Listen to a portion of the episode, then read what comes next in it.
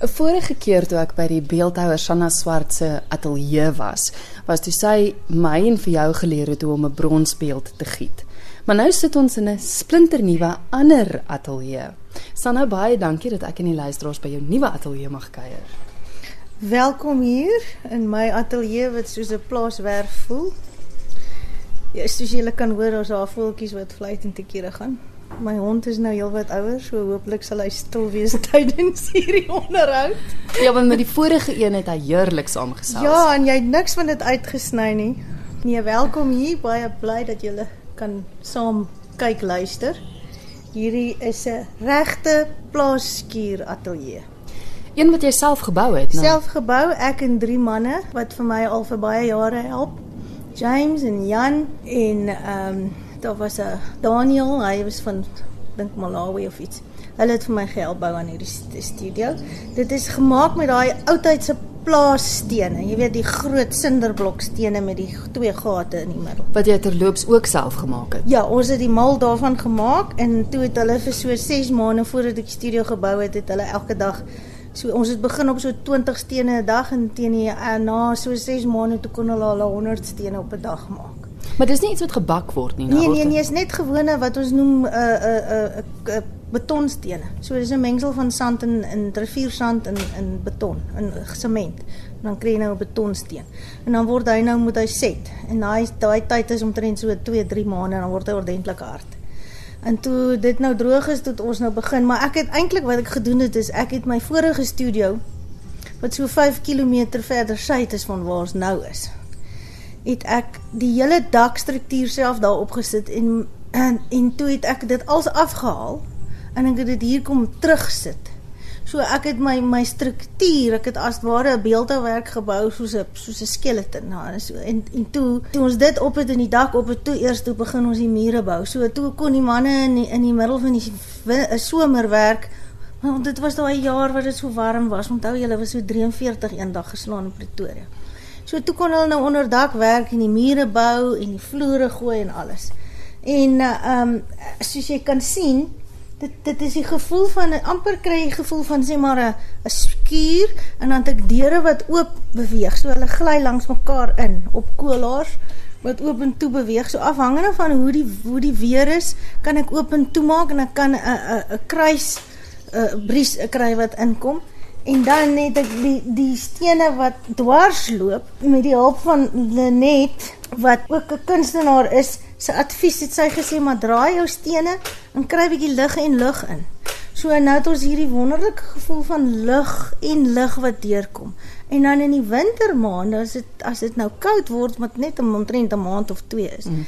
dan het ek nou van hierdie dik plastiek wat jy eintlik op vloere gooi, maar die deursigtige een met gewiggies aan en dan rol ek hulle almal af, val hulle oor daai oor die openinge, so dan kry ek nog steeds die lig in, maar ek kry nie meer die koue lig in nie. In jou vorige ateljee toe ons gesels het, was dit 'n gietery. Dis waar jy self jou bronsbeelde gegiet het. Jy het nie meer 'n gietery nie. Nee, ek het die gietery, ek het besluit um ek het um besluit so dis omtrent so 3 2 jaar nadat ek ons 'n nier geskenk het. Toe ek besluit ek raak ouer en dis nie meer nodig om al daai tipe fisiese harde werk te doen nie. Ek gaan liewerste dit begin oorgee na jonger manne toe wat dit vir my kan doen. En toe het ek besluit ek trek liewer terug na my huis toe en ek sit vir my hier 'n lekker studio op waar ek dan al my my my kreatiewe deel en die skep deel waar ek modelleer sowel as my vlekvrye staalwerk want dit is die ding wat ek die heel meeste op die oomblik doen. Ek doen vreeslik baie fabrikering in vlekvrye staal. So ek het hier vir my studio opgesit wat al daai goed in is. So jy kan sien ek het 'n aanbeeld daar en ek het twee verskillende uh tipes uh, uh houtblokke hmm. en dan 'n staalvorm wat 'n ou gasbottel is wat omgedraai is sodat jy die holte van die onderdeel gebruik ek dan as 'n vorm sodat ek kan hamer. So wanneer ek dan nou my staal hamer, dan kan ek nou daai ronde vorms inhamer. So jy sal hier loop en sal jy sien alles wat te doen het amper dit lyk amper soos soos 'n ou hoefsmid se plek. Ja. Want ek ek ek smee heelwat van my van my vlekvrye staal waar jy byvoorbeeld nie net die fabrikering het van goed sny en dan aan mekaar swys nie. So ek maak baie warm. So die die proses van giet is nog 'n stukkie daar in die sin van dat Ek het nog steeds hitte wat ek gebruik, maar op 'n ander manier. So ek smelt nie meer nie. Ek maak net warm en dan wanneer dit nou rooi warm is, wanneer dit plooibaar is, dan begin ek daarmee werk. En jy sien daar's 'n oksieseteleen tank, so ek maak nog met die hand goed warm. En dan natuurlik het ek al my tafels is op wiele, so as ek groot werk, dan kan ek dit omdraai en skuif. So kan die hele studio beweeg. Op so 'n manier dat wanneer ek of of as dit winter raak, dan kom die son op 'n ander manier hier in, kan ek my tafel draai dan kyk ek weer uit buitentoe. Mm. So, ehm um, dit is baie lekker in daai opsig dat dit is 'n persoonlike studio en dis ook nie meer die een waar ek so baie mense het wat in en uitloop nie. Dit raak nou amper meer my wat sê Afrikaans vir sanctuary space. So dis jy spesiaal genooi om hier in te kom. Jy loop nie net mee nie. Mm. Dis nie meer net daai van hier ons nou by die foundry en ons gaan nou gietery toe en alles. So dit raak en ek dink dit is ook te doen met ouer word. Jy weet soos jy ouer word, is mens geneig om miskien 'n bietjie meer kieskeurig te wees oor wie nooi jy in en wie nie. Ja. Kom ons praat gou oor jou nier. Ek weet nie hoeveel van ons luisteraars weet dat jy wel 'n gesonde nier vir 'n medekunstenaar geskenk het. Nier, hoe gaan dit met jou nier? Ja, nier se naam is Dextra want Rex vir die ander een gekry het. Sy naam is Sinistra. Die rede daarvoor is is links en regs, nê? Sinistra is mos nou links en Dextra is regs en omdat hy 'n musiek 'n opera sanger is, het hy die linker nier gekry, so hy het Sinistra gekry gaan baie goed met Dextra. sy mis so nou en dan haar suster aan die ander kant. Jy jy lag daaroor, maar weet jy van ek nee. van ek die eerste keer gehoor het jy dit gedoen. Ek beskou jou as 'n held want jy het nie nodig gehad om dit te doen nie. En ek wil nog altyd vir jou vra wat het gemaak dat jy eendag opgestaan het en besluit het kom ek skenk nie. Nee, as ek eendag opgestaan en besluit kom ek skenk nie, moet ek my kop laat lees. maar ek het nie want dit was nie net opstaan en dit doen nie. Dit was 'n lang proses. Nee, glad nie. Inteendeel. Dit was soos 'n lightning bolt. Dit was soos 'n weerligstraal want ek het ek was daar om 'n uitstalling op te sit saam met 'n klomp ander mede-kunstenaars. En toe sien ek hom en hy ek sien hoe sleg hy lyk en ek vra vir hom hoe gaan dit en hy sê nee, hy moet baie dringend nou 'n skenker kry en hy moet 'n lewendige skenking nie kry kan nie van 'n kadaver nie ontvang nie omdat hy al te siek was. Rarig. Ja. So op die einde van die dag, ehm um, het ek daar gestaan met hom gepraat en ek sê toe so ewe nou maar wat is jou bloedgroep en hy sê nee o en ek sê o hemel ek ook. en volgende ek sê maar ek sal vir jou nier gee. Dis so jy weet so soos 'n uh, ek het 'n paar band kan jy my help? Ja ja, laat ek hom gou vir jou omruil. jy weet daai tipe ding. En dit het my nie getref tot eers heel wat later wat ek gesê het nie. En ja, En toe toe ek dit besef, toe ek soos in sjoe. Okay. Wat, wat is die impak hiervan? Ja. En toe begin ek navors en lees. Toe ek vir hom sê ja. En toe kom ek agter maar daar's eintlik 'n ongelooflike groot hoeveelheid mense in die wêreld wat skenk en um, daar's baie lande wat dit outomaties as jy kind gebore word, jy's 'n outomatiese skenker. Jy kan net jy word afgehaal indien jy 'n 'n 'n terminale siekte het of enigiets anders in daai opsig. So um, en toe en toe bel hy my so 'n week later en sê vir my luister, um, is jy nog steeds is jy nog bereid? Toe sê ek vir hom ja. Want jy weet there's a certain sense of eerbaarheid en en en honor in toe. Ek het vir hom gesê ek gaan vir jou nie gee. En toe ek nou begin oplees, toe kom ek agter maar baie mense leef sonder weet jy leef net met een en um, as jy nou twee het en jy kan nog net met een klaar kom dan wat wat verhoed jy om te kan gee? Want jy het sy lewe gered.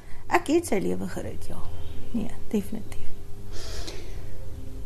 Dit is 'n baie lang proses want ons geweldig baie toetse wat gedoen moet word en een na die ander dinge het uit die aard van die saak in plek geval totdat dit op die punt gekom het wat jy die nier vir hom gegee het. Het dit jou lewe verander? Ja goed en wel mens kan net met een nier oor die weg kom, maar maar is daar dinge wat jy agterkom verander het? Wel dit het ek dink dit het in uh, my lewe vir die eerste jare het my lewe emosioneel ongelooflik impak op my gehad. Maar miskien het dit ook maar te doen met kunstenaarskap wees en die feit dat uh, ons geneig is om altyd dieper te soek. Hmm. Weet uh, ek maak nie van die kuns nie. Verstaan jy? My kuns is ernstig, spiritueel van aard. Dit koppeling met natuur en en die hele feit dat ons deel is van hierdie die kosmos van alles. So ek dink in daai opsig het dit 'n verskriklike groot impak op my gehad.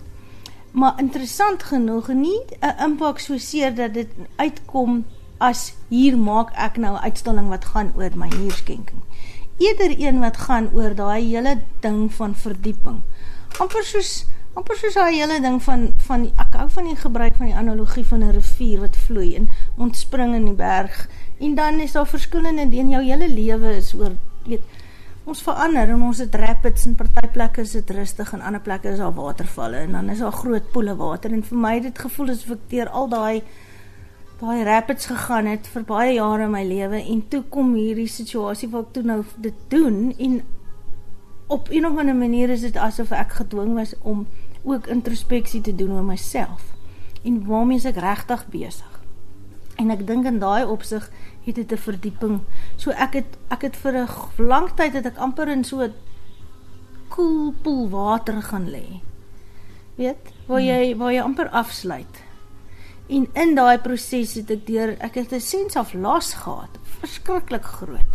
Wat ek agtergekom het dat hulle nie as dit kom by um jou sogenaamde ondersteuningsgroepe ek het ek is nog nie iemand wat deel van groep goed hou nie. So probeer en dan kom ek agter na 3 maande dit werk nie. So maar daar's nie hulle praat nooit oor dit met mense. Hulle praat oor die fisiese deel. En die fisiese deel is jy moet gesond bly. Jy moet elke ten minste eenmal 'n jaar al jou toetse laat doen. Jy moet jou, jy weet, jy moet jou nierfunksies laat doen en so aan. En jy moet sorg dat jy eh, dat jy minder rooi vleis eet en jy moet jy kan nie kan nie sommer enige allerlei spierverslappers en pille drink nie want jy het net een nier, so hy werk harder mm. om al daai dinge af te breek. So in daai opsig was dit het ek fisies ek dink die psigiese was vir my in die in die begin erger geweest. En nou het het ek het dit dit het nou tot berusting gekom. Wat ek nou agterkom is is maar ek word ook ouer, jy weet. So ehm um, ek kom agter dat ek meer geneig is om moeg te word. So ek maar dan wat jy doen is is jy pace jouself jy gaan en jy gaan rus, jy gaan gaan wat kunstenaar ons nie tyd so tydskedule nie. Jy voel ons nou nie, kom ons vannag ook werk of vroeg in die oggend. So my en ek was altyd 'n nagmens gewees vir baie jare. En dit het als nou verander. Ek sal nou vroeër in die oggend, ek is al half 6 wakker en opstaan, maar ek sal al 10 uur gaan slaap. So al daai goed het het 'n verandering meegebring en dan natuurlik in terme van my fisiese uh, uh, uh, om te kan ah, die hamer slaan en al daai goed. Ek moet ek moes besef sekere dinge kan ek nie meer doen nie want dit is nie nodig om daai onenergie te verbruik nie. So dan het ek nou vir James wat al vir 15 jaar saam met my is en hy is nou al my linker en regterhand. So hy weet nou al min of meer selfs hoe lyk my merke wat ek hmm. maak op die stoel. So ek sal hom kry om dan nou vir my te help met sulke met daai ding.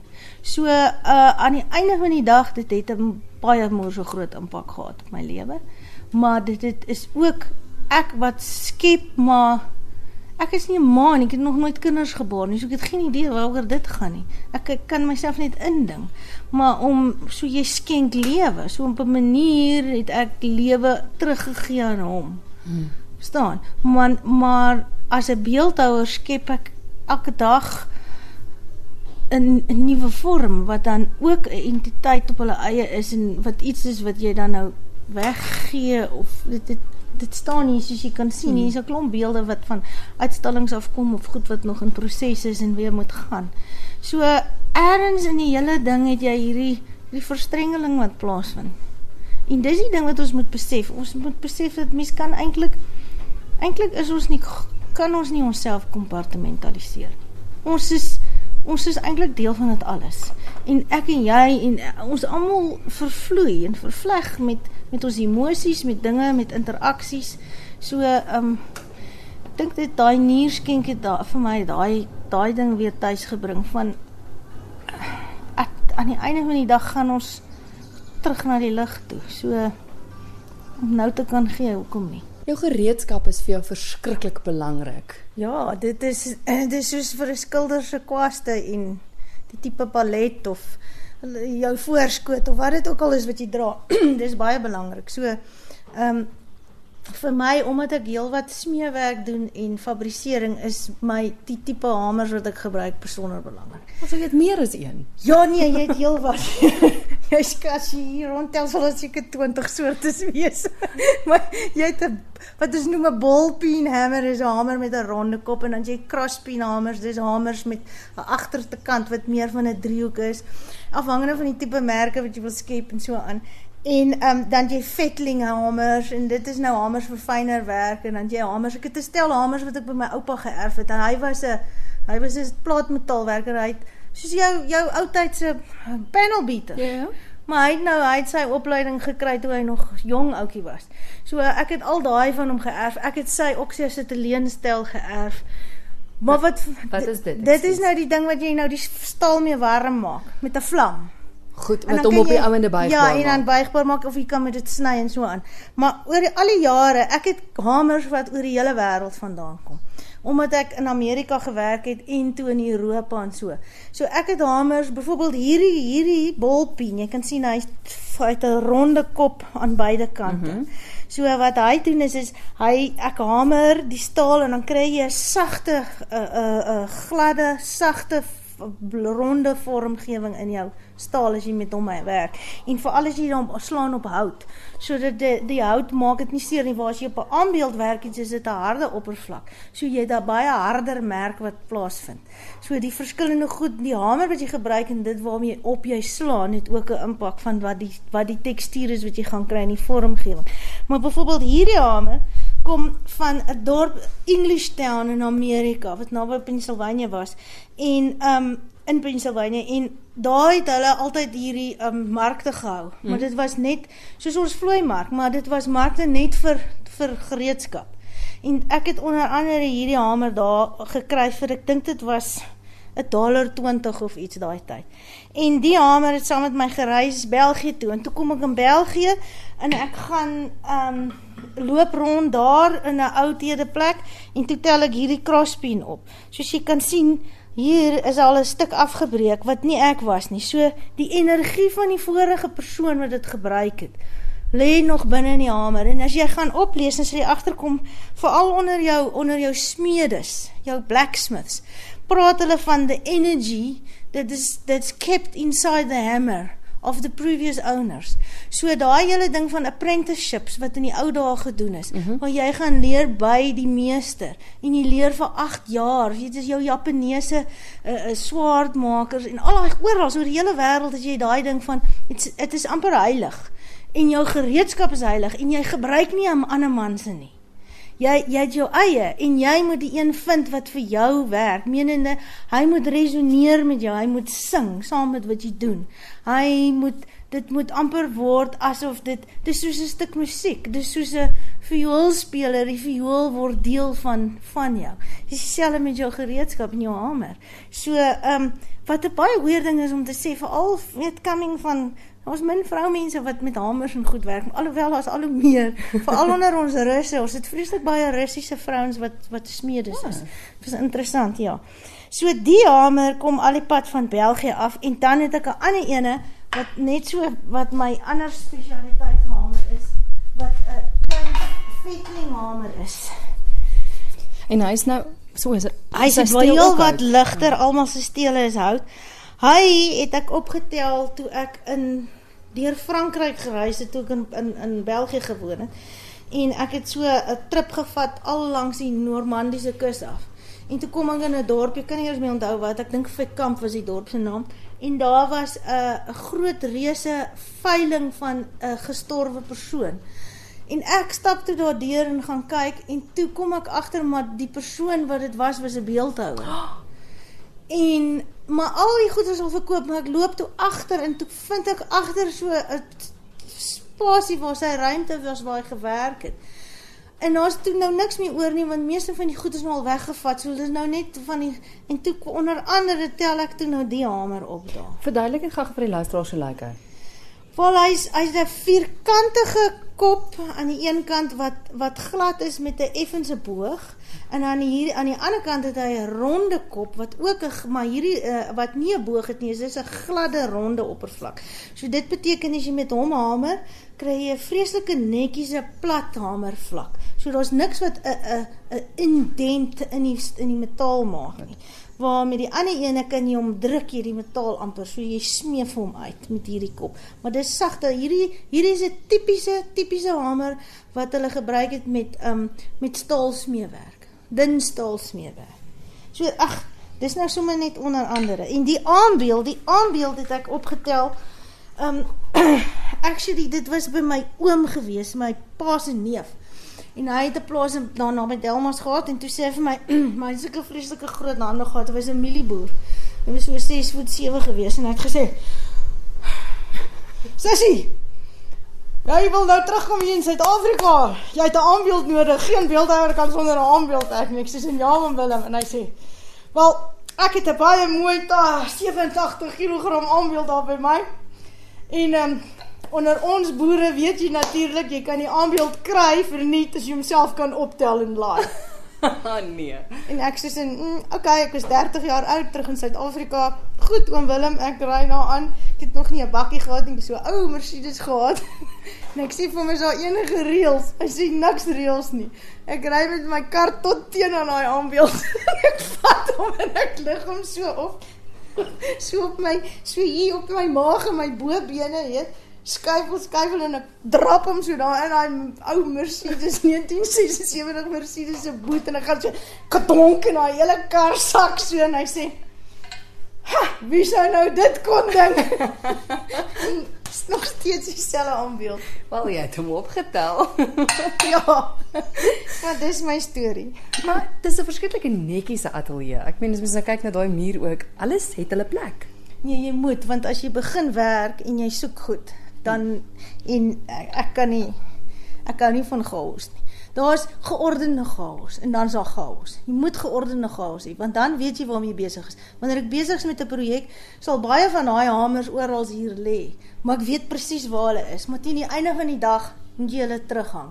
Want mense moet altyd skoon begin die volgende oggend. Jy kan nooit vuil begin nie. Dit het my oupa my geleer, want dan gaan jy nie weet waar jy laas gelos nie. Jy kan nie net jou deur toe trek nie. Jy moet klein bietjie opruim elke dag. Want anders uh, dis asof daai daai veiligheid word deel van jou werk. Maak net skoon en dan begin jy weer. Ek wonder altyd kunstenaars as mens kreatief is, is dit verskriklik maklik om in jou ateljee in te stap en te begin werk as jy besig is met 'n projek waaroor jy opgewonde is. Maar hoe motiveer jy jouself vir daai dae wanneer jy jouself moet motiveer? Of is of is jy altyd Nee, reg om te Nee, glad te nie. Inteendeel, in die ou dae het ek baie baie baie baie te veel gedrink. nou doen ek dit nie meer nie. nou as ek krag het, dan vat ek my hond en gaan stap of ek ek klim in my bakkie en ek ry veld. Okay. Dit is dit help. Ja. Ja, pas maar mens kom by hy, mens kom mens kry dit gereeld. Is dit beter om dan eerder op te hou en te sê ek gaan nie verder gaan vandag nie, kom ons probeer môre weer of ja, partykeer. Jy jy maar jy moet leer jouself ken. Mense ken al die stem binne in jou in jou borskas. Uh, jy weet wanneer jy jy weet wanneer jy net bloot lui is of net bang is. En as jy bang is om 'n ding, veral wanneer jy so daai daai vasvang is, hmm. dan raak jy bang. Jy raak bang vir jouself en jy raak bang dat jy dink jy kan eintlik dit nie meer doen nie. Jy jy soos 'n ooggids wat nou en da, en, en en dan moet jy deur dit werk. So jy moet jy moet jy ingaan en moet gaan werk. Jy moet dit doen. Maar partykeer gaan 'n mens in 'n plek in 'n ruimte in waar jy dalk so hard gewerk het dat jy eintlik oormoeg is. En dan moet jy jy so jy moet jouself kan lees en kan sê. En mense moet ook nie die hele tyd skuldig voel nie. Hierdie kalvinistiese skuldgevoel van jy het nou staan op en gaan sweet en jy sweet van jou aanskin en jou brood verdien. Ons sweet in elk geval ons dien ons doen wat ons kan. So hê gee vir jouself tye wat jy liewerste net lees of fliek of wat dit ook al is, maar kom weg van die ding af. Vir alles jy nie 'n oplossing kan kry nie. Weet veral met die metaal, baie keer as hulle agterkom nie eers my my plasma cutter wil nie werk die dag nie. Want my ek is nie reg nie. Dan wil niks werk nie. Als als donder uit. Dan breek dit, dan breek die kompressor, dan dan is jou welding rod dan daar's altyd iets en dis wanneer jy weet, okay, goed, los nou. Nou stop ons. Gaan werk in jou groentetuin. Hmm. Doen doen enigiets anders. Want in jou geval kan mens duur foute maak? Of is dit iets wat ja, jy altyd kan Ja, weet jy nie te erg nie omdat ek's nie 'n goudsmid. Jy kan jy nou dink 'n arme goudsmid. Jy weet hy moet nou hierdie nuwe ring ontwerp vir iemand en en dan donder hy dit op. Wat jy hier. Is redelik platinum, kan jy dink? Ek werk werk met brons, is nie so is duur, is nie so duur nie. Ek gelukkig, ek is verskriklik bly ek's nie 'n houtwerker nie. Ek ek het op 'n stadium toe jonger was oorweeg om liewerste in hout in te gaan. En hier by die derde keer wat ek agterkom as ek 'n ding verkeerd gesny het want ek het nie reg gemeet of iets nie en dit afgekap het dan is dit weg vir ewig. Weet dit is 'n verskriklike ding. Of dieselfde met klip. Staal kan ek as dit nie reg is nie dan swys ek weer 'n stukkie aan. Verstaan? Hmm. So jy jy daar's daar's 'n ruimte vir vir foute maak. En in die foute maak is daar eintlik goed wat gebeur. Sodat jy daai ampere beplande toeval van goed wat wat saam saamvoeg met dit.